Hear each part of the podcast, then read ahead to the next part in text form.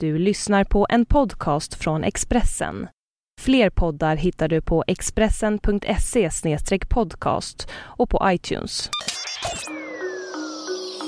Det här är Expressen Dokument, ett fördjupningsreportage om att de vuxna i Husby har fått nog av brinnande bilar. Av Diamant Salihu. Efter fyra dagars kaos har de vuxna fått nog av stenkastare och bilar som brinner. I Husby hoppas invånarna nu att våldet är över. Ungdomarna känner hopplöshet, säger Shukri Yusuf, 50, som bott 18 år i Husby.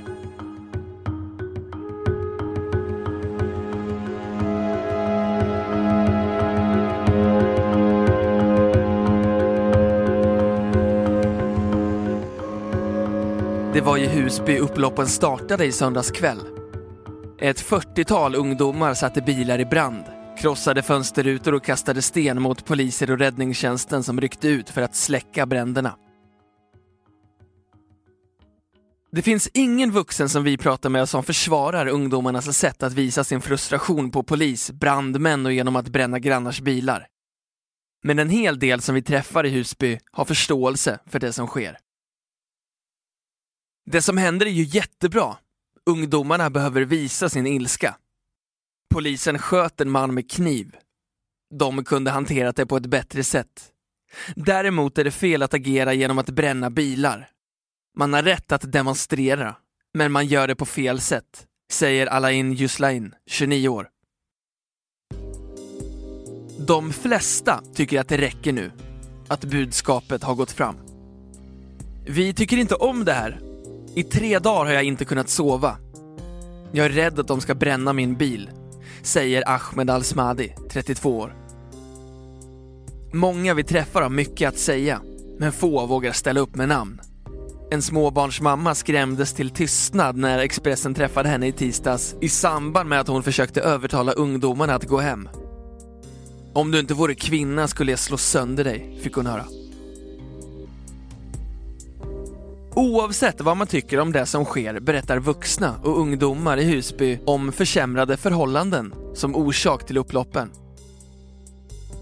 Enligt Ungdomsstyrelsen står 38 procent av ungdomarna i Husby utan jobb och utbildning. Många föräldrar är också utan jobb eller har usla arbetsvillkor. Samtidigt har hyrorna stigit. Viktig samhällsservice har lagts ner. Stadsdelsförvaltningens kontor har flyttat, liksom Försäkringskassan, bankkontor och Folktandvården. I onsdags höll en demonstration på torget i Husby. Talare från vänstern går till attack mot regeringen. En fyrabarnsmamma som Expressen intervjuar går fram till närpolischefen Jörgen Karlsson som står bland folket för att visa sin närvaro. Han är välbekant med kvinnan. Vad gör ni från moskén? Undrar Jörgen Karlsson vänligt. Vi har pratat med killarna att de ska lugna ner sig, svarar mamman som vill vara anonym av oro för att barnen ska råka illa ut. Hon upprepar sedan länge det hon redan sagt till Jörgen Karlsson. Om ungdomsgården som inte räcker till alla. Om 16-åringarna som inte har någonstans att ta vägen. Samtidigt som en socialdemokratisk talare pratar om de bortglömda förorterna tittar kvinnan närpolischefen i ögonen för att försöka finna en lösning. Vi måste hjälpas åt tillsammans. Det är många som är arbetslösa. Det är många som har skaffat jobb som fortfarande måste bo med föräldrarna. Om de söker lägenhet finns bara insats. De har inte råd att köpa. Hur ska de leva? Till slut säger Jörgen Karlsson. Du och jag klarar inte av det själva. Nej, vi alla måste hjälpas åt, svarar kvinnan.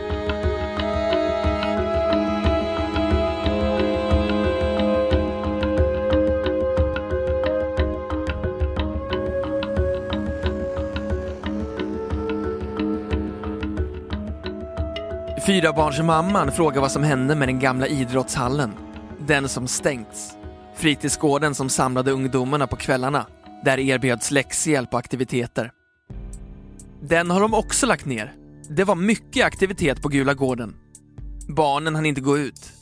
Allt har lagts ner, ner och ner, säger mamman. Men visst finns det den där fotbollsaktiviteten. Den är det väl full rulle på, undrar Jörgen Karlsson. Den räcker inte för alla. Du vet hur många ungdomar det finns här, svarar fyrabarnsmamman. Jörgen Karlsson säger en stund senare att vad han har förstått får nästan alla som söker ett sommarjobb i år. Nej, om man har kompisar eller kontakter så kan man få det. Utbildning och erfarenheter betyder inget. Det som räknas är om man känner någon, svarar mamman. När det är dags för bön i moskén passerar fyrabarnsmamman en fruktmarknad. Bara ett stenkast från den bostad där polisens insatsstyrka förra söndagen sköt en knivbeväpnad 68-årig man till döds. Dödsskjutningen tände gnistan till den senaste tidens kaos, hävdar många boende. En medelålders svensk kvinna passerar samtidigt. Hon pratar högt och upprört i telefon och fyrabarnsmamman och hennes son hör henne prata om citat “de jävla ungdomarna som bränner bilar och kastar sten”. Slutcitat. Det har för fan med uppfostran att göra, säger kvinnan med telefonen. Fyrabarnsmamman och hennes son påkallar den passerande kvinnans uppmärksamhet. En upprörd ordväxling sker. Det är inte uppfostran, säger fyrabarnsmamman och sonen. Det har visst med uppfostran att göra.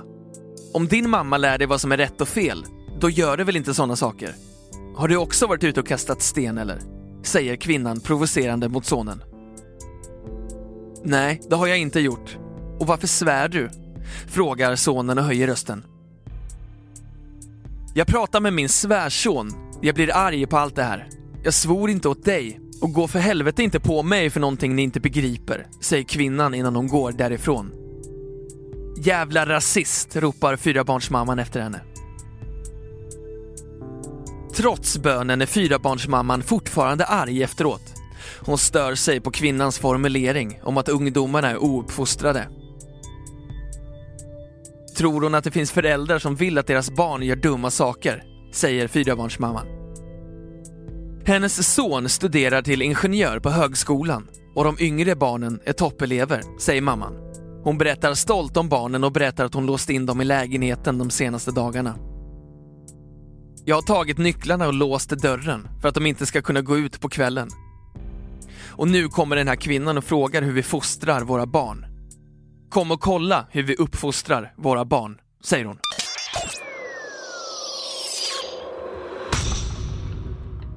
Du har hört Expressen Dokument, ett fördjupningsreportage av Diamant Salihu om upploppen i Husby som jag, Johan Bengtsson, har läst upp.